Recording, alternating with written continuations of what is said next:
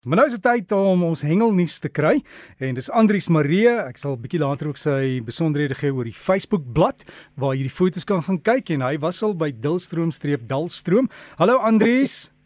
Môre Derek, môre aan die luisteraars. Ja, so wat jy nou sê jy jy weet nou so baie daar deur is. Is Dalstroom, né? Nee?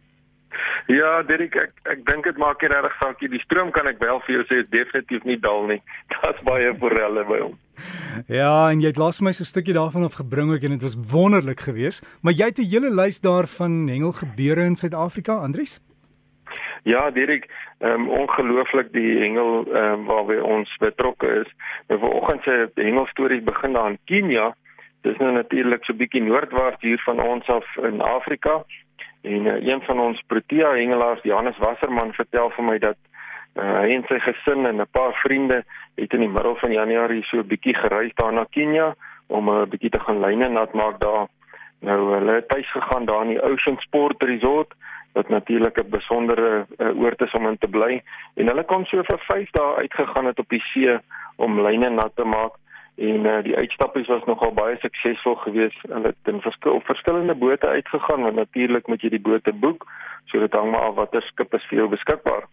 Nou uh, die spesies wat hulle kon vang uh, het onder andere ingesluit vier blou marline, 10 seilvisse, een broodbul uh, wat ook natuurlik 'n snavelvis is en dan ook 'n hele aantal ander roofvisse soos dorados en wahoo en die greater barracuda wat die groot barracuda is. Nou uh, hy vertel vir my dat selfs die dames en die kinders wat saam op die bote was, um, kon lekker gevang het. Hy sê Rianti Gous het 'n soufvis gevang, Judy Jordan het 'n soufvis gevang, Nadine Wasserman het 'n soufvis gevang en dan Konrad die jong mannetjie, hy het 'n blou marlyn gevang. Daar's ook 'n groot dorado wat 14 kg geweg het. So dit klink vir my voorwaar hulle het 'n baie lekker tyd daar in Kenia gehad. Nou Janus het 'n paar foto's met my gedeel en ek het dit daar op die Breakfast Facebook bladsy geplaas. Die luisteraars kan gerus gaan kyk na die pragtige vis wat daar by Kenia beskikbaar is om gevang te word.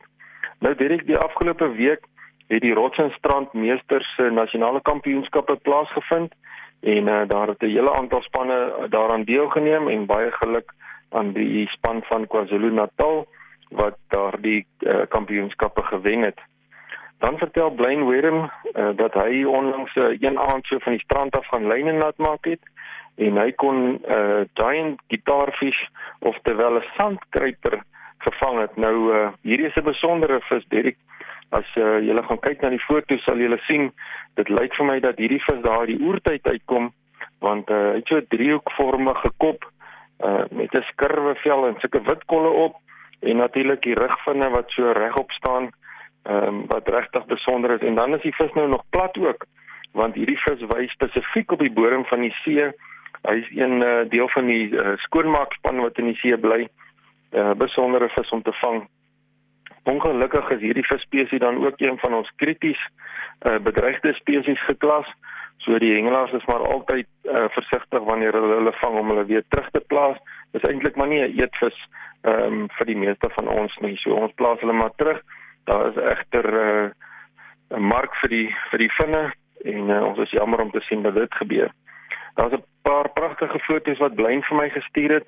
Nou hierdie uh, vis het 259 cm gemeet. Nou as mense dit so omsit in kilogram, dan was hy net kort van 100 kg gewees. So 'n voorware reuse uh gitaarvis wat hy gevang het en dit uh, is besonder om dit te kan sien en dis nagfoto's wat hy geneem het. So gaan kyk gerus op die Breakfast Facebook bladsy na sy pragtige foto's. En dan nou net het Seevarkie, Johan van Seevarkie my geskakel. Nou ehm um, hy en vrou lief was daar op die strand gewees, die bote is in die see gesit. En eh uh, Seevarkie en mevrou Seevarkie is op die see vandag en hulle is eh uh, besig om te hengel daar. Hy vertel vir my dat die 'n vis die laaste week het daar lekker geelfintinas uitgekom en die vorige week was daar elke dag van die marline wat gevang en vrylaat was. Hy sê egter op hierdie stadium is die swel van die see heel, uh, heel hoog uh, of baie hoog moet ek seker sê. Hy sê die weer wat daar by Mosambiek op hierdie stadium is druk natuurlik nou die golwe en dit veroorsaak dat dit 'n bietjie moeilik is om die bote uit te vat, maar uh, ten minste kon hulle uitgegaan het want dit was 'n heerlike dag daar by hulle in Sodwana. Dan luisteraars, ehm um, voorheen het ek vertel van die mooi honeycomb brei of die heuningkoek pylstert as ons hom nou in Afrikaans moet vertaal. Nou Ray Thompson het een van hierdie pragtige pylsterte gevang en 'n baie mooi foto geneem. Gaan kyk gerus op die Breakfast Facebookblad. Hoe besonder is hierdie mooi pylstert met sy uh, blokkies patrone wat uh, op uh, oor sy lyf is. Dit dan het ek ehm um, so rukkie terug gepraat dat ek sal sê van uh, die bote se skippers. Nou 'n motorboot wat uh, op die damme op die see of op die see geplaas word, um, uh, moet bestuur word deur 'n persoon wat 'n skipperskursus voltooi het. Nou daar's 'n vaarwater en 'n see een. Nou ek het die vaarwater um, kursus voltooi en die manne wat op die see uitgaan moet natuurlik 'n aparte kursus doen uh, want die see is nie jou man se maat nie. En uh, die skipper is natuurlik verantwoordelik vir die veiligheid op die boot en dan die bestuur van die boot. En uh, veral wanneer 'n mens groot vis vang soos marline of geelfintinas dan moet die boot die hele tyd bestuur word terwyl 'n vis aan die lyn is om seker te maak dat die uh, vis so vinnig as moontlik geland kan word uh, en om te verhoed dat die lyne binne in die motor van die boot inkom. En uh, dit is dis 'n uh, vaardige skipper wat kan help dat 'n hengelaar suksesvol is bo die boot en dan natuurlik wanneer jy die boot uh, deur die golwe moet insit as jy van die strand af uh, die boot launch soos 'n Engelsman sou sê dan is daar baie vaardighede wat nodig is. Die skipper moet na die see kyk hy moet die golwe lees en dan moet hy sy tydsberekening reg kry uh, en die regte spoed neem om uh, die boot deur die branders te kan kry tot in die diepsee. En uh, ek het 'n pragtige video wat ek uh, eendag geneem het van een van ons Protea hengelaars die teenisin waar hy sy boot uitvat uh, die, in die see. Luisteraars kan gerus gaan kyk op die Breakfast Facebookblad het ek die video gelaai. Ehm um, gaan kyk gerus hoe uh, belangrik is dit vir 'n goeie skipper op 'n boot om die mense op die boot veilig te kan hou want daar's al baie bote wat deur die branders omgetiep is en mense baie seer gekry het. So die skippers is voorwaar 'n belangrike persoon op die boot en uh, hanteer hulle maar met respek want uh, hulle weet wat hulle doen wanneer hulle die boot hanteer. Dirk baie dankie. Dis my storie van vanoggend. Uh, vrede en groete aan almal.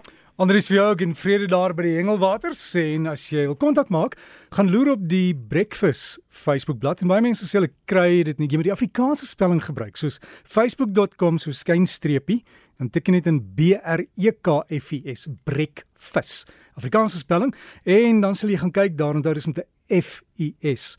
Dan sal jy gaan kyk daar vir die vis fotos waarvan Andries nou net gepraat het en daarvan af kan jy ook met Andries kontak maak. Anders maar net e-pos hengel by rsg.co.za